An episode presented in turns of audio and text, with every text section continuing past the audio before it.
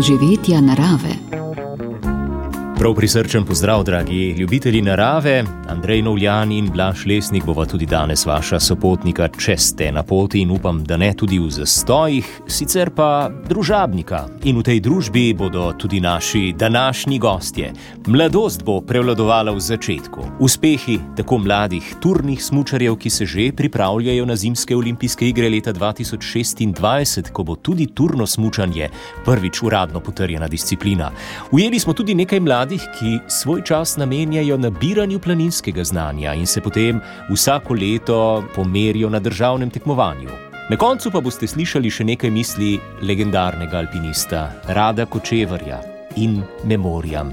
Minuli četrtek se je namreč v visoki starosti poslovil ta odlični alpinist prve povojne generacije medgeneracijsko druženje, bi torej lahko rekli. Najprej pa poglejmo, kako sončno bo ob koncu tega tedna. Dežurni meteorolog Anže Medved je o jutrišnji soboti takole povedal. Čez nam bo povsod jasno, s prijetnimi temperaturami okoli 10 stopinj na Goriškem Novom morju do 15. Jutranje temperature pa malenkost niže, jutri nekje okoli minus 5 do nič in ob morju okoli 4 stopinje. In sončno, jasno vreme se bo nadaljevalo vsaj do torka, v torek pa se bo že začelo malo bolj oblačiti. Jutra bodo kakšno stopinjo hladnejše in tudi čez dan kakšno stopinjo hladneje kot v današnjem dnevu. Če imate ambicioznejše načrte za visokogorje in tudi del sredogorja, ne pozabite na belega zmaja, na nevarnost snežnih plazov. Sicer pa za zaključek tega le uvodnega dela še misel o tem, zakaj sploh v gore. V gore hodim, da bi živel polno življenje, da bi se telesno, razumsko in moralno izpopolnil, da bi spoznal in preizkusil samega sebe, da bi doživel jasen cilj, k kateremu obenem že drži tudi pot, da bi se osvobodil civilizacije, da bi doživel lepoto in užival v tveganju tako zbrane misli različnih planincev in gornikov, verjetno pa imate tudi sami, spoštovani poslušalci, kakšno čisto svojo. Dobrodošli v današnjih doživetjih narave. Poslušate podcast Radio Ognišče.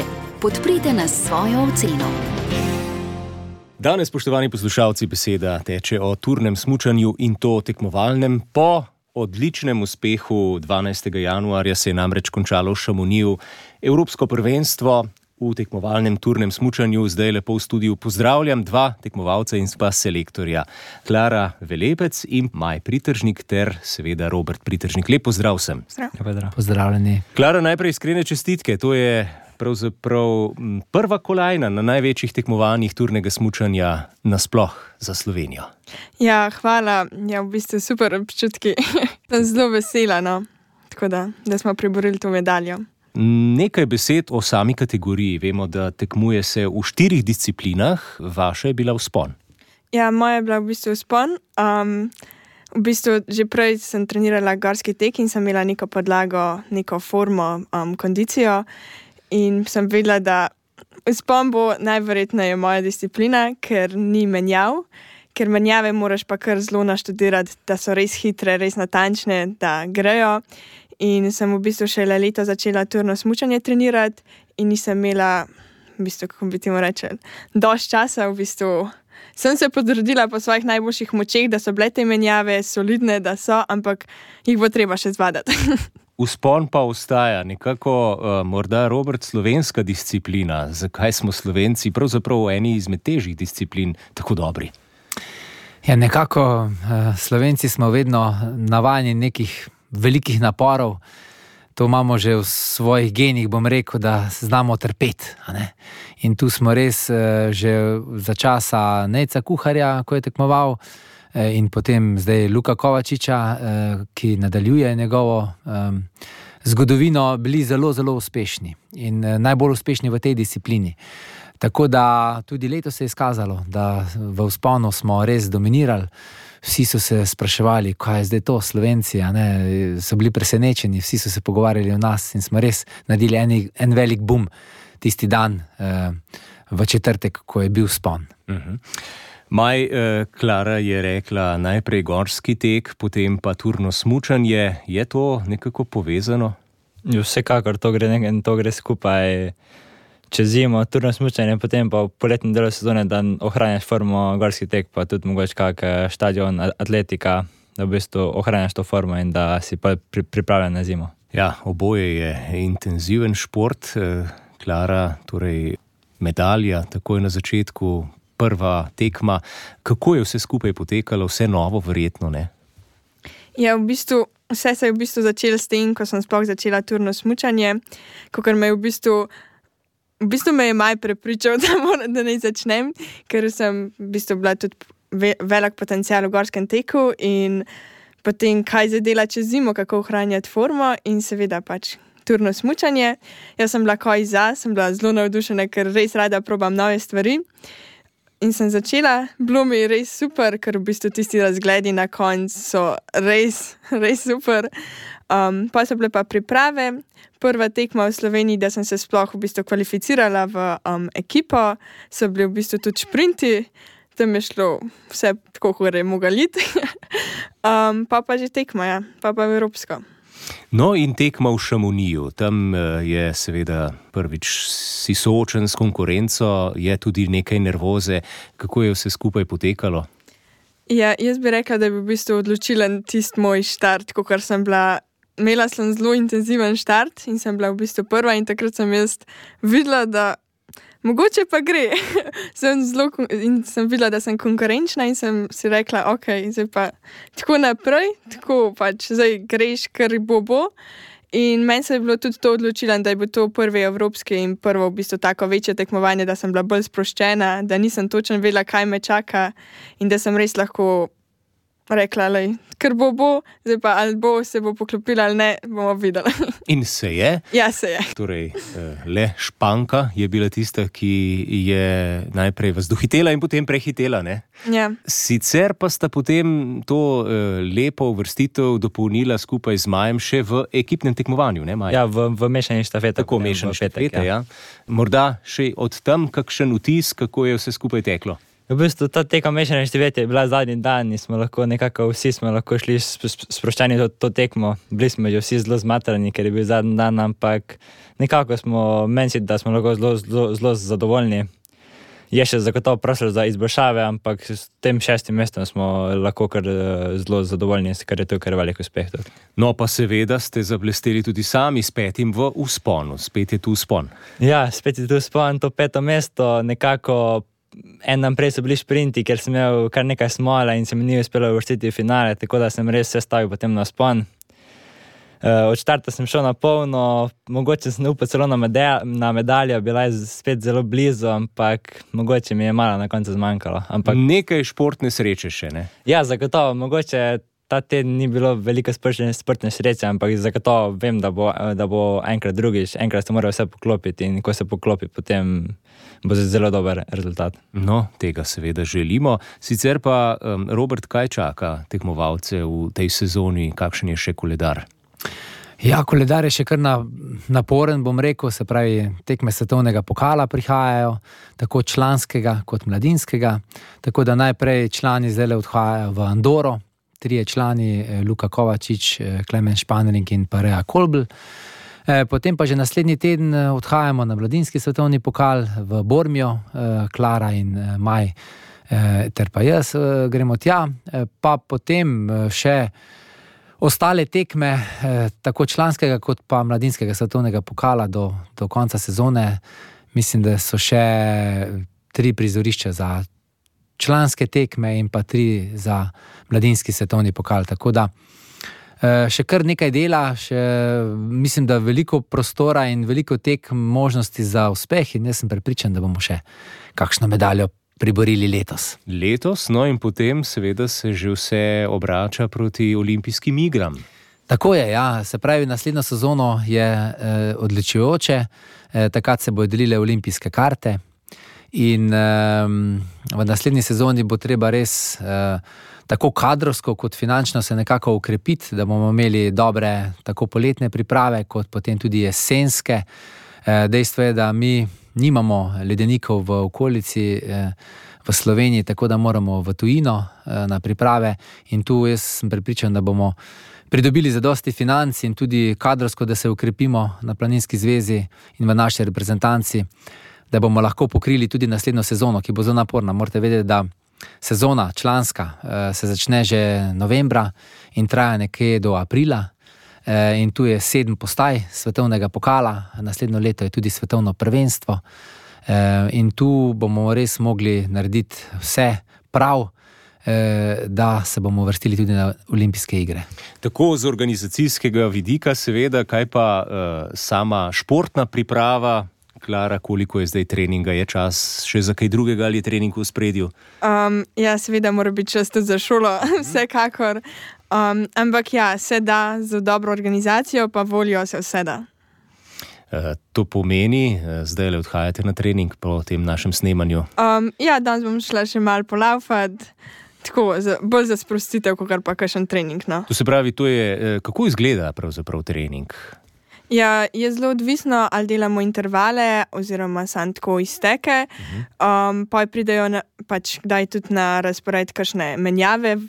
To je, zelo, to je zelo pomemben trenutno, sploh za prihajajoče tekme, ker imamo štafete pa uh, šprinte, uh-huh. kjer so zelo pomembne menjave, ker tam se iščejo te sekunde, kar so v bistvu na koncu zelo odločajoče. Tako da zdaj bom verjetno bolj posvetila treninge menjavam, pa pa naprej. Uh, Maj, kje pa trenirate? Zdaj pri nas, seveda, v visokogorju je dovolj snega, druge je pa težava. Ja, v bistvu zdaj je v bistvu zapadlo nekaj snega, tako da lahko treniramo tudi v hribih, prej pa smo večinoma na, na smočiščih, tam, ko je bil sneg. No, um, če pa ni snega, pa tudi narediš kak, kak trening na peš, s palicami, mogoče in tudi, tudi dobra alternativa turnemu smočanju. Kako pa je s temi menjavami? Torej, gre za nekaj uh, spretnosti, taktike, kako zadeva? Ja, v bistvu te.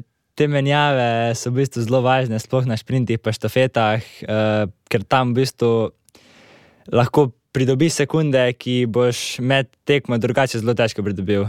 Če si tam sekundo hitrejši, je to zelo veliko, ker sekundo, da boš dobil na sponu, se moraš res zelo potruditi. In zato je v bistvu zelo važno, da te menjave treniraš in narediš tisočkrat, pa tisočkrat, pa pol se ti vseeno še lahko kaj zalomi. Tako da moraš res to imeti v glavi, to ti mora prijeti v mišljenju, uh mhm. -huh. spomin, da delaš to lahko v bistvu na koncu zaprtimi očmi. Kako pa je recimo z opremo, z uh, snemanjem? Uh... Koš oziroma psov. V bistvu ta tekmovalna oprema je kar drugačna od tiste neke klasične opreme za nekega turnega smočarja. Vse je veliko lažje, vse je nekaj optimizirano, da lahko gre čim hitreje gor.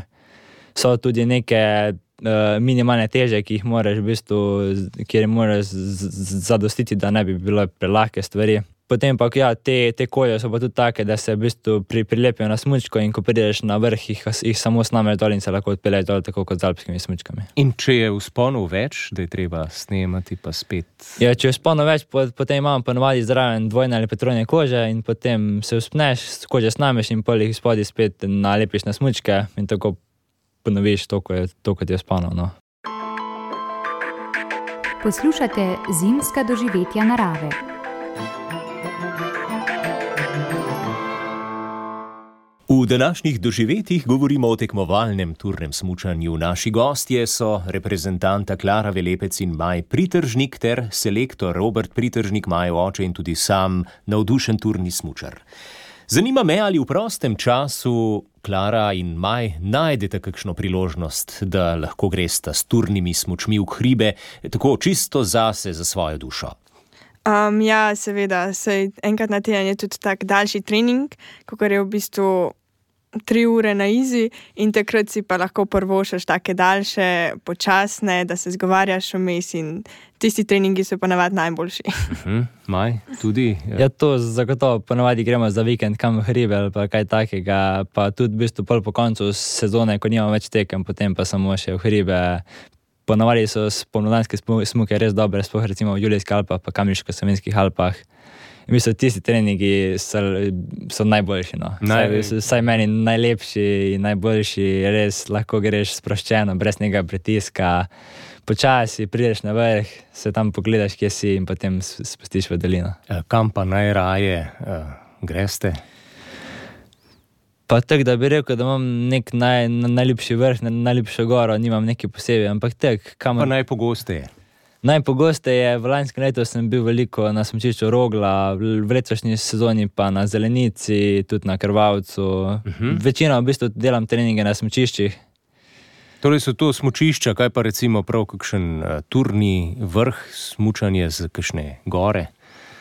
Je v bistvu tako, da v času tekmovalne sezone skoraj da ni časa. Ja, ja. Um, potem po sezoni pa tudi mogoče kak tri glav včasih ali pa kaj ta, kak tak bolj vrh, da je v bistvu bolj že visoko gorje. No. Mm -hmm. Za sklep eh, Robert Pritržnik ostaja uspon, torej tista disciplina, na katero bo slovenska reprezentanca stavila tudi v prihodnje, ne na zadnje na olimpijskih igrah? Ne, eh, disciplina uspon ne bo na olimpijskih igrah, tako da eh, tudi nekako se ta disciplina malo umika predvsem zaradi tega olimpijskega formata, in tudi ni več toliko uh, tekem v sponu v celi sezoni svetovnega karavane. Tako da eh, na vsak način eh, mi ciljamo na sprinte, ciljamo na mešane štafete. Eh, nekako najslabša, ali pa bom rekel, najmanj možnosti za razvoj pa imamo v posamični disciplini, ker tu pa res moraš imeti veliko, veliko smočarskih eh, dni, veliko spustov, po terenu, eh, izven smočišč.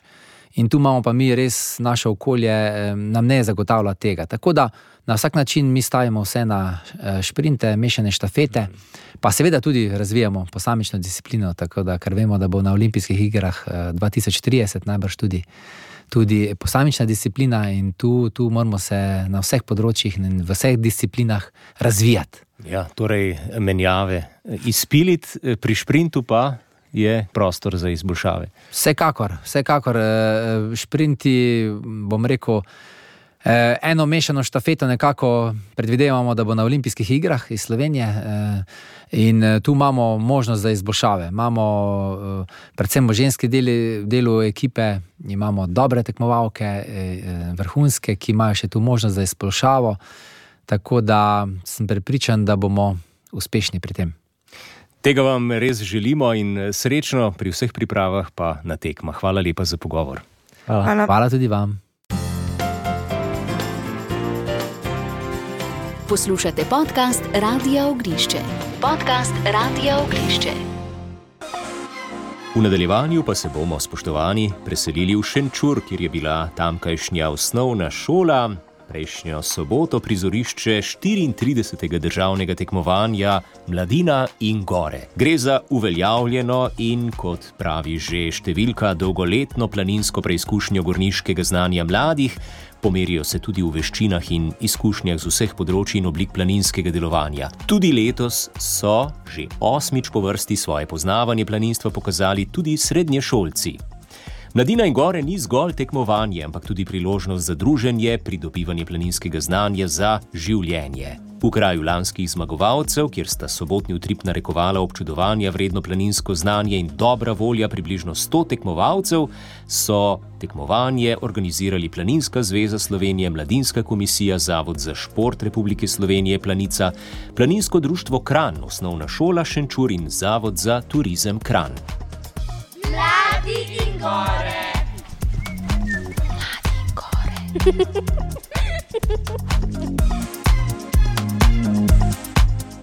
Tri in štiri članske ekipe osnovnošolcev in dvočlanske ekipe srednješolcev so tekmovanje začele v sobotnem dopolednevu s testi iz planinskega znanja, ki so ga mladi pridobivali v planinskih krožkih in med udejstvovanjem v planinstvu. V finalni del državnega tekmovanja za osnovno šolo se je uvrstilo šest najboljših ekip, ki so v finalu v obliki kviza odgovarjale na vprašanja iz planinske šole in dodatnega gradiva, in sicer o 70. obletnici vzpona na Everest.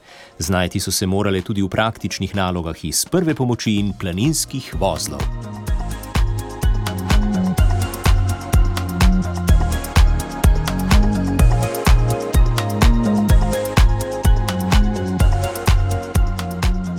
Za naslov državnih prvakov se je v osnovnošolski kategoriji potegovalo 18 ekip. Šesterica najboljših je prišla v finale v živo, ki je bil zahteven zalogaj znanja za vse zbrane. Zmage se je veselila ekipa z imenom Planinske brihte iz Planinskega društva Medvode. Kdo jo je sestavljal? Karin Jakša Ivanovski, Saramis, Manja Goslar, Viktorijana Šušteršič. In pa mentorica. Katja Porčni Gartner. Iskrene čestitke še enkrat. Prvo mesto, tako se je šušljalo, da je kar nekako pričakovano, da se je slutilo, da bo šla tokrat zmaga v medvode. Ste tudi sami tako slutili? Ja, zato smo tukaj. Oh, izjemno suvereni. Kako ste se pripravljali, punce? Boste izdali kakšno skrivno taktiko? Uh, mislim, da nas je mentorica Mojca Resnik zelo dobro pripravila. Učili smo se iz planinske šole in priporočenega članka. Um, ja. Ja, kako si? Mentorica v bistvu moj resnik, ki je lebona, pa vse mislimo na njo, pa smo v bistvu zmagali za njo. Um, nam je tudi v bistvu vse vozile, pa vse pokazala in smo vse sprobali in je vse bilo res in je bilo v bistvu bolj zabavno, kot sem tisto piflanje doma na kavču, pa neki razmišljanje.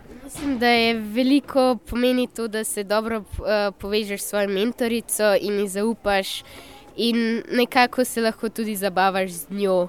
Ni samo, da je tvoja učiteljica, ampak tudi prijateljica. In koliko krat ste se srečevali, kdaj ste se dobivali? Um, srečevali smo se enkrat na teden, od oktobra naprej, pa res je bila doskrat bolna, ampak nam je še vseeno uspel. In tudi zdaj, kaj izbolila, se je še vsem potrudila za, za nas in smo se dobili prek Zuma. Res, kdaj, tik pred tekmovanjem? Uh, v četrtek. Bravo. Torej, hvaležnost mentorici, ki je ostala doma, vi pa spremljate? Ja? Ja, mogoče bi dodala še to, da je tudi meni zelo žal, da je danes ni tukaj. Sem pa istočasno hvaležna, da sem del te zgodbe. Ja, res je lepa zgodba. Spisali ste si tudi nekaj dela čez eno leto, ne? organizacija, se veselite, se bojite, kakšni so te, ta pričakovanja? Se veselimo. Ja. V bistvu smo mi vedeli, da bomo neko tekmovanje organizirali, ker so pač v bistvu je učiteljica so, so pač rekla, da bo ona organizirala regijsko, ker je rekla, da mi računamo, da bomo državno. Tako da smo vedeli, da nekaj bomo organizirali. Sem nismo vedeli, kaj sem, smo se upali za državno ne? in da se to uresničilo. In uresničilo se je, bravo. In zdaj me zanima, še seveda, vedno vprašam, nekaj je to učenje, pa pravite, da je bilo zabavno. Kaj pa v naravi, greste kaj na planinske izlete, kam hodite? Uh, pa ja, kolikor nam drugi hobi in uh, obveznosti dopustujejo, ampak mislim, da vsi, vse rade hodimo v hribe in užima, uživamo v naravi. Kaj pa sicer tako z planinskim krožkom imate? Uh, na naši šoli je zelo aktiven. Um, največ članov šteje v primerjavi z ostalimi medvoškimi šolami. Um, vsako leto naredimo precej enodnevnih izletov in tudi dva tabora, enega jesenskega in enega konec pomladanskega. O, zanimivo, kar dva, za koliko dni? En... Od petka do nedelje. Ste se vse udeležili tega tabora? Ja, jaz, ja, jaz sem se in mi je bilo zelo zanimivo. Tako da, pa tudi leti so vedno polni nekih dogodivščin, pa mislim, da učiteljica zna zelo dobro izbrati, kam gremo, pa da je res primerno. Da... Kam se ste šli? Šli smo na kočo na zelenici, pa smo šli um, na daljinski tabor, smo šli dom na komno. Ne vem, naprej se ne spomnim. Enkrat smo šli pa tudi na planinski tabor na, š, na Šijo. Super. In zdaj vi ste sama dekleta, je tudi kaj fantov zraven? Mislim, da se fa, mislim, da fanti ne zanima toliko. So v manjšini. So, so v manjšini, ampak so. Na planinskih izletih so nekateri, ampak za to pa se samo mi, štiri punce. Ja, jaz bi v tako družbo z veseljem šel. Se pravi, tudi nagradni tabor vas čaka, ste že pokukali, kam greste. Ne veste še? Ne, nič ne vem. Ja, ne vem, včasih je to bilo, da ne bom kaj preveč rekel, kuverto je treba pogledati. In so jo odprle. Spoštovani, iskrene čestitke ob usvojitvi prvega mesta na 34. državnem tekmovanju Mladina in Gore. Planinsko društvo Kram vam podarja polpenzion za pet oseb v planinski koči Kališče. Želimo vam še veliko gorniških podvigov. Koordinatorica tekmovanja Brigita Čeh. Uživajte, lepo se imejte in pridite spet naslednje leto. Ne? Zagotovo bomo. Imate za naslednje leto tudi takšno taktiko, pridemo in zmagamo? Ja, pridemo, ja. uživamo, zmagamo. In pa mogoče ne bo naslednje leto pridružila še ena ekipa, ki planiramo, da bo še ena. Aha, zelo, zelo ambiciozno. Še to mi povejte, kako ste si pa ime izbrali? Um, lani smo bili planike, ampak imamo preveč obično, tako da pol učiteljica rekla in pol je pač tam od neki prišlo. No. Ja, se enkrat tako med šolo, e, ej, kaj pa če bile planinske brihte in ja, zakaj pa ne? In ste in celo zmagovalke, planinske brihte, bravo, čestitke. Hvala. Hvala. Mladi in gore. Zimska doživetja narave. V doživetjih narave spremljate reportažo, ki je nastala na osnovni šoli Šenčur ob 34. državnem tekmovanju Mladina in Gore. Slišali smo zmagovalke ekipo Planinske brihte. Drugo mesto so zasedle gorske podmornice iz planinskega društva Litija, tretje pa sitarjevške mukice, prav tako planinsko društvo Litija. Na osmem tekmovanju Mladina in Gore za srednje šolce pa se je v Litiji pomerilo 11 ekip. Zmago sta slavila neustrašna gorska učenjaka Planinsko društvo Kran. Klara Svetel, pa prihajam iz Šenčurja, torej domačinka. Gaj strelec, prihajam iz Milpršenčurja. Pa še mentorica. Maja Siršev, osnovnošolska učiteljica, ki je tudi planinska vodnica in njuna mentorica. Torej, osnovnošolska učiteljica se je spopadla z izzivom, mentorica srednješolce ma. Ja, ker sta bila že lansko leto moja ekipa in smo se dogovorili na nagradnem taboru, ki so ga lansko dobi, leto dobili kot državni prvaki, da bo sta letos tudi poskusila kot srednješolca a, in sta držala obljubo. Kako lepa zgodba, torej se nadaljuje iz osnovne v srednjo šolo in tudi uspehi pravzaprav gredo naprej. Ja, to je treba pa njima predpisati, ne meni. Res? preveč dela za organizacijo državnega tekmovanja, tako da letos sta bila iskreno povedano malo bolj prepuščena sama sebi, ampak sta bila pa toliko bolj ustrajna, da sta se sama te stvari naučila. So sicer imeli tudi nekaj praktičnega, ne, z učiteljem, z drugim učiteljem, ki je tudi mentor na šoli, tako da so imeli tudi, no, tudi malo praktičnega. Kaj pa ste delali, Klara, kako ste se lotili te praktične na, nalog oziroma učenja? V bistvu, enkrat smo se dobili tako, da smo šli skupaj čez te glavne teme, se pravi, da smo tudi mlajšim ekipam povedali, na kaj mora biti pozorni, pa to, pa če se kakšna taka vprašanja, pač, ki znajo biti kakšni hakalci. Potem smo se pa še ta četrtek dobili, v bistvu, da smo šli z tem planinskim vodnikom, da smo šli obdelati tehnično opremo, pa osebno opremo, pa nevarnosti v gorah, tako da smo imeli tudi malo tako uporabnega znanja še pridobili. Ampak vidva sta to učila s osnovnošolsko ekipo in se ob tem tudi sama pripravljala. Nekako tako, ampak v tem drugem primeru, se pravi četrtek, smo pa v bistvu imeli vsi predavanje. Kaj pa je tebi najbolj pomagalo pri pripravi? Po vsej verjetnosti pred, predavanje. Učenje mlajših, to meni zelo pomaga. S tem, kar se zraven še učim. Zelo dobro za drugo leto. Torej, ja. Kaj pa čisto praktično iz, iz letov, iz mogoče taborov, tudi teh se udeležujeta? Ne lihtok. Ne. Kaj to pomeni odkimavanje z glavo? Ja, lani smo šli na nagradni tabor, tako da smo tam tudi neki znanja pač probali izkoristiti. Drugače v bistvu na teh šolskih pohodih, pa pač obiski bližnjih hribov. Ampak to še v devetem razredu, kaj pa zdaj v srednji šoli? Ja, z drugih dejavnikov. Ja, v bistvu ni več toliko časa, a ne pač, ker se je dosti več zaučiti, ampak pač ja. Je razlika, ne? srednja šola malce več zahteva. No, zdaj je mentorica ravno šla, da bi jo vprašal, pa bom vaju dva, kam pa ste šli na tale nagradni tabor? Dobili smo za dve nočitvi na koči na Lepeni, tako da smo šli ob, obiskat Krnska jezera, Krnsko jezero, potem smo šli do Divjega jezera, pa Šunikov vodni gaj, pa do izvira reke Soče. Ja. Pa kaj smo šli še pogledati? Kaj pa se je? Ja. Ja. Hermanovo utrdbo, pa kaj bomo na kluže. Utrdba ja, kluže. Utrdba kluže. Ja. No, kaj pa se je tebi najbolj utrnilo v spomin, oziroma vtisnilo v spomin?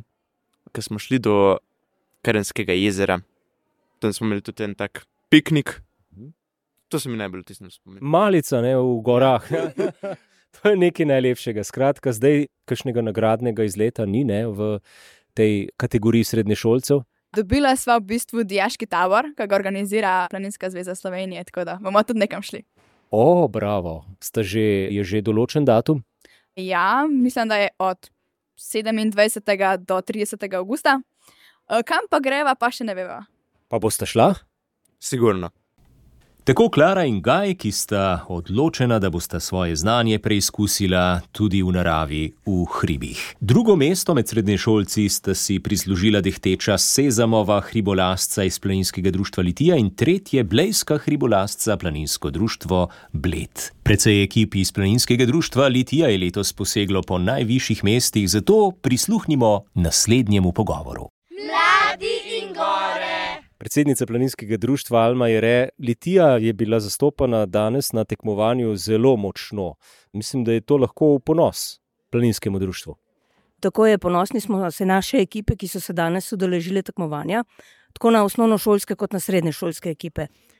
Prišli so tudi rezultati, ki so pa delo večletnega truda. Ja, kot vemo, je tekmovanje potekalo tudi v Litiji, ne? tako da imate tudi s tem izkušnje. Ja, tako je. Leta 2020, malo pred uh, začetkom korone, smo, na, sta, je naša ekipa dosegla odlično uvrstitev. Bile so, dekleta so bila prva na državnem tekmovanju, tako da smo tudi po, v pokoronskem času pri nas organizirali državno tekmovanje, kjer smo se tudi uh, kar lepo uvrstili, no? ampak uh, otroci rastejo, odraščajo, tako da zdaj smo pa na srednješolskih ekipah. Pa sicer še kakšni izzivi planinskega društva, kako delujete v ostalih odsekih? Naši odseki delujejo uigrano, vsako leto imamo nove izzive, trenutno poso, pro, poskušamo pomladiti delovanje našega društva, tako da ti mladi, ki so se odeležili tekmovanja že v prejšnjih letih in sedaj so v bistvu ti naši nasledniki, ki računamo na njih, da bodo enkrat prevzeli naše delo. Ja, se pravi, delo zdaj, da se bo pokazalo sad v prihodnosti in to je zato tudi vaša navzočnost tukaj na eh, tekmovanju, verjetno. Ja, tako je. Jaz jih že par let spodbujam, v bistvu, odkar sem predsednica, hodim z njimi na tekmovanja, tudi z mentorjem Romanom, prejšnjim predsednikom našega društva. Jih vzgajava, pomagajo nam ostali vodniki in vsako leto jim tudi pripravimo in pripravljamo delavnice, na katerih se učijo, pripravljajo na tekmovanje. Očitno se dobro delo pozna, čestitke in kar tako naprej. Hvala vam. Poslušate zimska doživetja narave.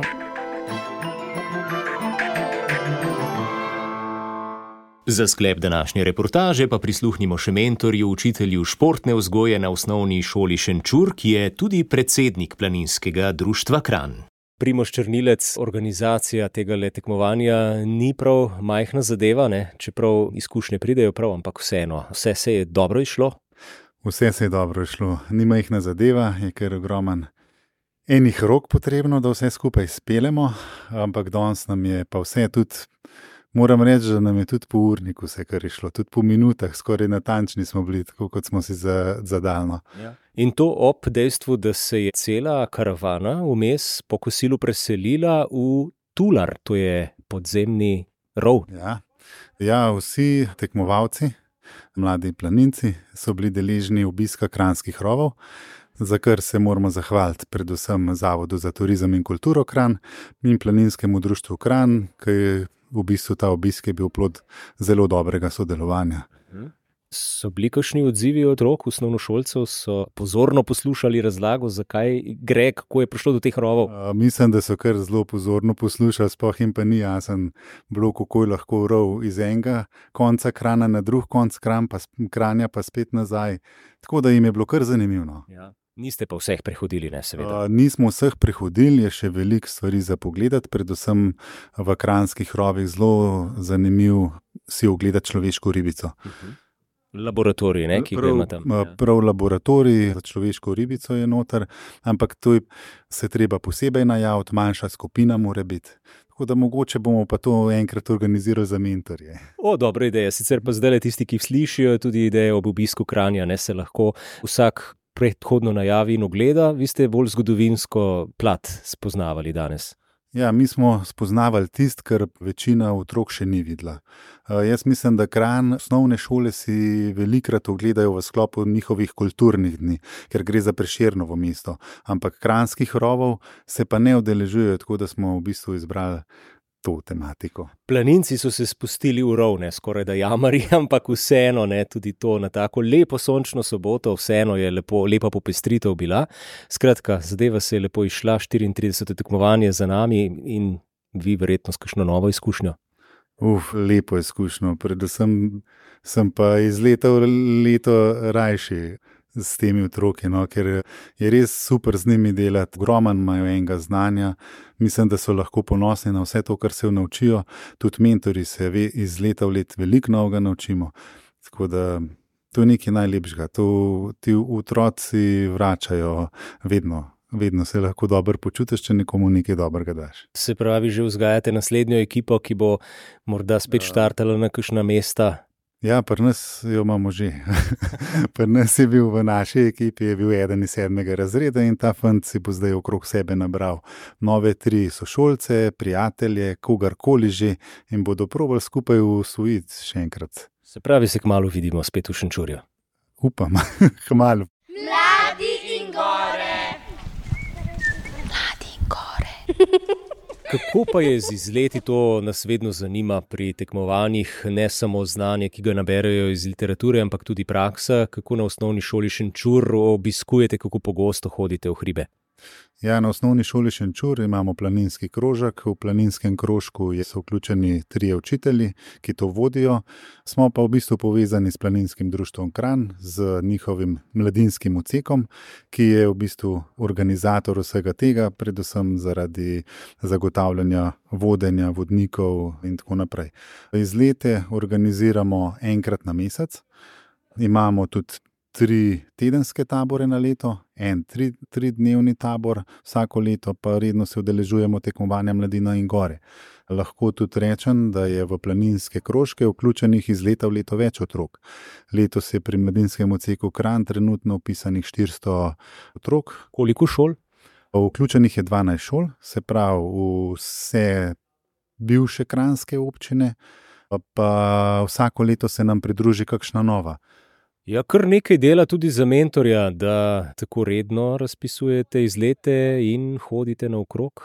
Ja, predvsem moramo, moramo zelo dobro sodelovati. Eden je zadolžen za to, da stvari skoordinira, da določi izlete, to je recimo načelnica mladinskega odseka, ostali učitelji smo zraven, nabiramo otroke in jih pa eno soboto na mesec odpeljemo po različnih, po različnih lokacijah po vsej Sloveniji. Tako da letos imamo rekord, izlet z vlakom. Iz Kranja do Koroške Bele, do Valva Zorjevega doma, 299 učencev in učiteljev. O, rekord v številu, ja, pa tudi to, da greste z vlakom, na ta način najpogosteje odhajate na izhodišče. Ja, smo tudi trajnostno mobilni, vedno več izletov probamo dobiti, kjer se da pridati z vlakom. Sloveniji se infrastruktura železniška izboljšuje, vedno boljša in, ve, in vedno več bomo gledali na to. Avtobusni prevozi so pa postali izredno dragi za nas, tako da so tudi izleti, če, avtobusa, če avtobus ni poln to kar drago poje na vsakega udeleženca. No, s tem očitno nimate pri takih številkah toliko težav, ne verjetno tja, kamor se ne da z vlakom ali z javnim prevozom najamete avtobus. Tako je, najamemo avtobus, lahko rečem, da nam pri vsem tem našem delu pomaga tudi občina Kran, kjer se vedno preko planinskega društva prijavljamo na razpise za sofinanciranje športa. V mestni občini in tudi z te strani dobimo nekaj sredstev, tako da so predvsem tabori za otroke cenejše. Tako predsednik planinskega društva Kran Primoš Črnilec vsekakor gre za zelo pohvalno prakso trajnostnega prevoza na izhodišče iz letov. Čestitke še enkrat prav vsem tekmovalcem, zdaj pa v pridno nabiranje izkušenj in novega znanja za prihodnje že 35. državno tekmovanje Mladine in Gore čez leto dni. Poslušate podcast Radio Ognišče.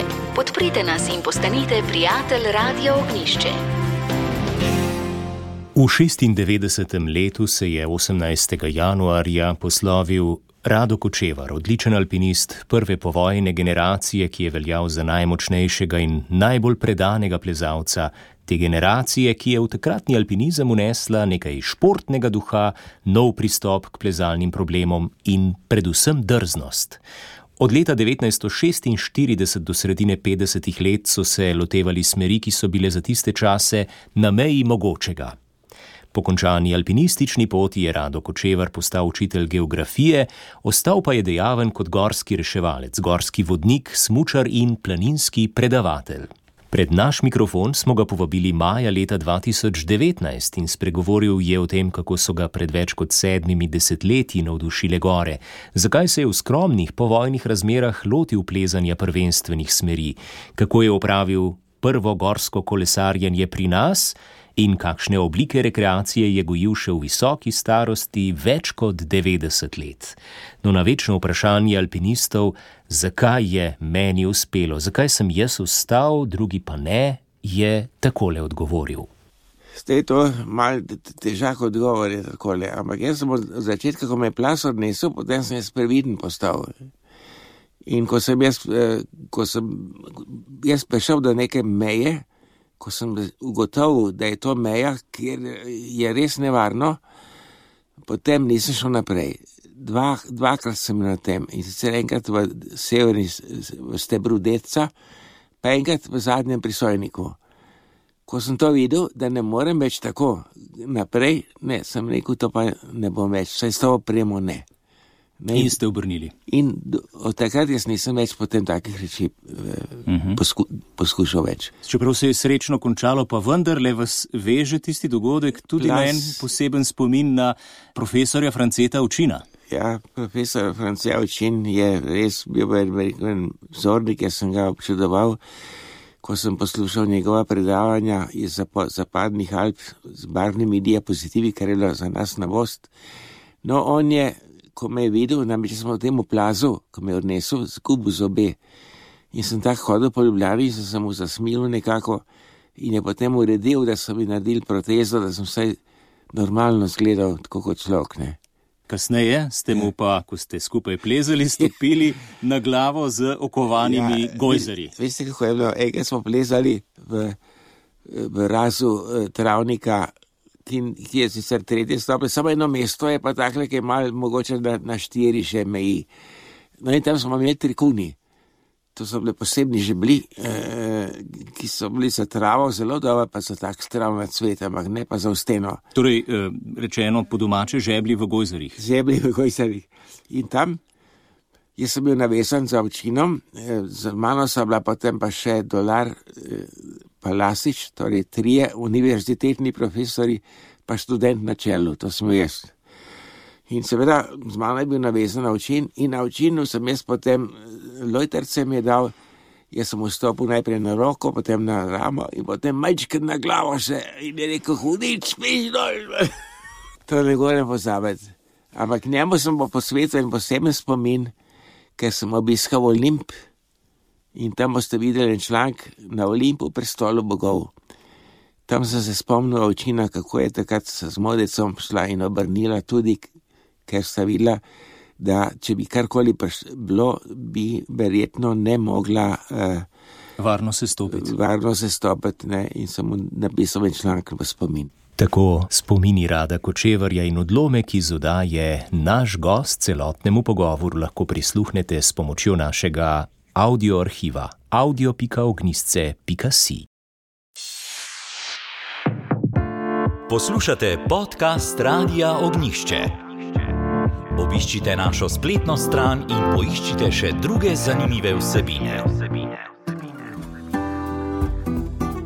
Prelistajmo novo številko planinskega vestnika. Za konec vzemimo v roko še našo najstarejšo, še izhajajočo revijo, Zdenka Mihelič. Prva letošnja številka planinskega vestnika je tu in postreže zelo zanimivim testom opreme in sicer s testom prenosnih kuhinj oziroma kar enajstih kuhalnikov. Prenosni kuhalniki imajo namreč že precej dolgo brado in številnim popotnikom, alpinistom in dopustnikom omogočajo kakovostno prehranjevanje na krajših, pa tudi daljših potepanjih. Topijo nam sneg, prekuhavajo porečno vodo, kuhajo kavo s kofeinskim odvisnikom in omogočajo kakovostnejše prehranjevanje od življenja energijskih ploščic in sendvičev. Pokukali pa smo tudi vrečke s hrano, zakaj in kakšne izbrati, kdaj pridejo prav in komu. Pogovarjali smo se z Zdravkom Bodlajem, markecistom Planinske zveze Slovenije iz Planinskega društva Kamnik, ki je tudi inštruktor markacist in vodi visokogorske akcije, ter se trudi, da so poti na kamniškem območju urejene tako za najmlajše kot najstarejše planince. Drugi pogovor je z alpinistom Mihom Habjanom, vodjem podcasta Planinske zveze Slovenije v Steni ki razkriva, kako je prišlo do podcasta, kako izbira sogovornike in še mnogo zanimivih stvari. Tretji pogovor pa je z Aleksandro Voglar, alpinistko in alpinistično in športno plezalno inštruktorico iz generacije, ki je največje uspehe dosegla v drugi polovici 90-ih let prejšnjega in prvih letih tega stoletja. Zanimiva je zgodba spominov na profesorja Franceta Učina, ki je med drugim še kako znan po svoji knjigi, kjer tišina še peta, pa po izumih alpinistične opreme in kot prvi predsednik povojne Planinske zveze Slovenije.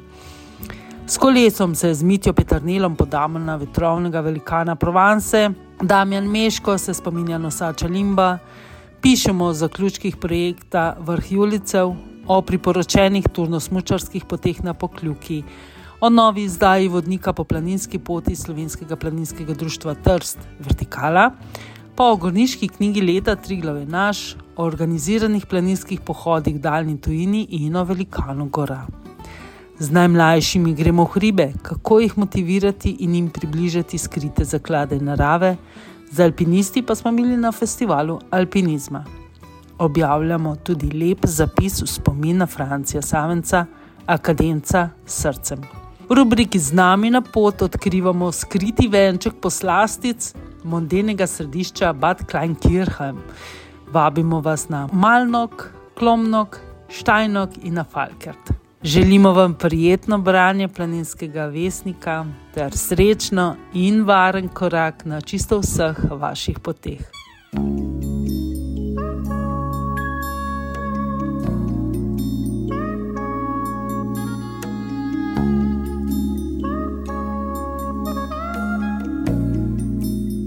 doživetja narave.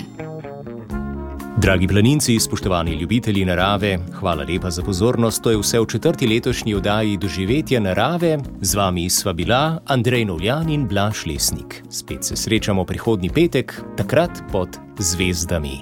Varen korak. Oddaja vam je na voljo tudi v obliki podcasta. Naročite se na v svoji aplikaciji. Storitev je brezplačna. Radio Ognišče.